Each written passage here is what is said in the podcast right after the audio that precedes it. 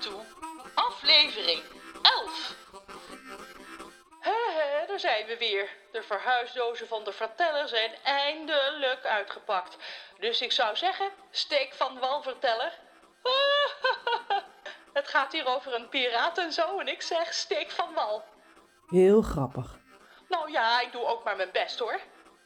Toen Reus vertelde hoe Pedro de wonderpiraat hem aan een monsterhaai voerde, trilde Rons telefoon onafgebroken in zijn broekzak. Hij wist wie er belde, zijn moeder en vast ook zijn vader. En nu Reus is uitverteld, gaat het trillen door. Hij let er niet op, hij ziet alleen maar voor zich hoe Reus in het water ligt zonder benen. Deed het pijn? vraagt hij. Natuurlijk deed het pijn, wat een domme vraag, maar hij wil iets zeggen en hij weet niets beters. Nee, in het begin niet, antwoordt Reus tot Rons verrassing. Dat zal wel komen omdat ik geen tijd had om pijn te hebben. Ik was aan het vechten voor mijn leven. Die hij mocht mijn benen hebben, van de rest moest hij afblijven. Maar hij had duidelijk nog trek. Weer kwam hij met die enorme tanden op me af en ik hoorde Pedro juichen. Goed zo, visje. Neem nog een hapje voor papa, riep hij. Zijn bek was één groot zwart gat dat ik duidelijk moest vullen. Nou word ik niet zo snel zenuwachtig, maar ik begon hem toch echt te knijpen.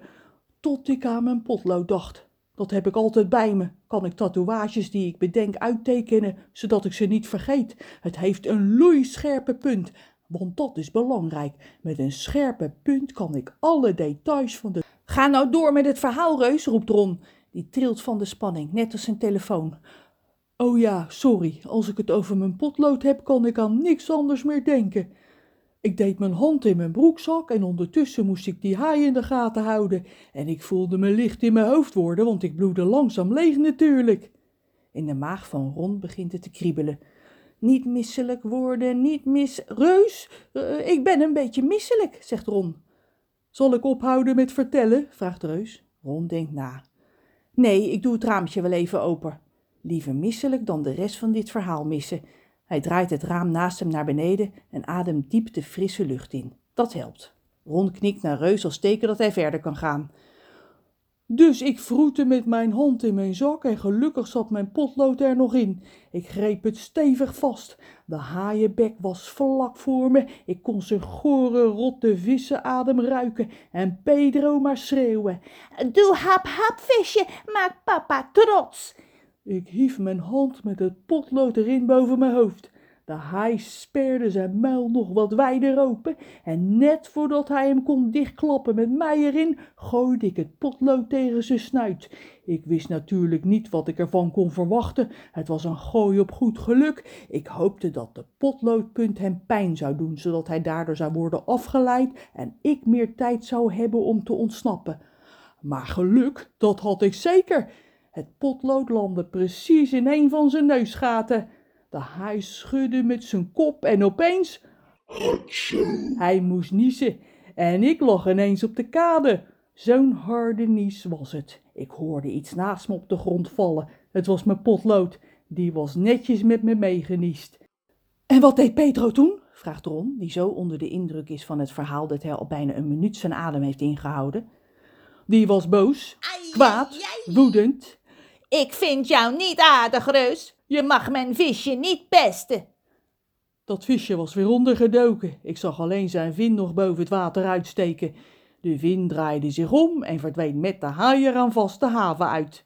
Pedro schreeuwde bevelen naar zijn bemanning en het schip kwam in beweging. Hij heeft een echt piratenschip, weet je wel, met zeilen en een vlag met een doodshoofd erop. Maar die zeilen werden niet gehesen, want zo'n net piraat is Pedro wel. In plaats daarvan hoorde ik het gereutel van een motor en even later kwam het schip los van de kant. Ik krijg je nog wel, Reus, maar ik ga nu eerst mijn visje troosten. En daar ging hij, terwijl ik op de kade lag, zonder benen, maar gelukkig had ik mijn potlood nog. Heb je toen 112 gebeld? vraagt Ron. Nee, dan zou ik alleen maar moeilijke vragen krijgen. Hoe bent u uw benen kwijtgeraakt en zo? Want wie gelooft nou in wonderpiraten en monsterhaaien? En als mensen het hadden zien gebeuren, hadden ze zichzelf wijsgemaakt dat het niet waar was, want ze geloven nergens meer in tegenwoordig. Maar je bloedde dood, zegt Ron. Aangezien Reus gewoon naast hem zit, weet hij dat dat niet is gebeurd, maar toch. Ik heb een maat van me gebeld voordat ik bewusteloos raakte. Die is naar me toegekomen en heeft me gered. Reus doet het knipperlicht aan en stuurt de bus naar rechts. Afslag 1, Glamsterdam, ziet Ron op een bord. Waarom gaan we naar Glamsterdam? vraagt hij. We moeten toch naar Schijnmuiden? Dat klopt, maar eerst moeten we even iemand oppikken, antwoordt Reus. We hebben geen tijd te verliezen, Reus, zegt Ron een beetje boos. Trudy's moeder is in gevaar. Maak je niet druk, jongen. Reus rijdt de afslag af en remt voor een stoplicht. Als de bus stilstaat, zit er opeens een grote zwarte vogel in de raamopening naast Ron. Dag Reus, Eh, dag jongen, krast hij. Jullie zijn precies op tijd. Heeft een van jullie een sigaret voor me? Hoi, ik ben Kraai en ik ben nieuw hier. Volgende week meer. En eh, niet roken hè, is slecht voor je. ah.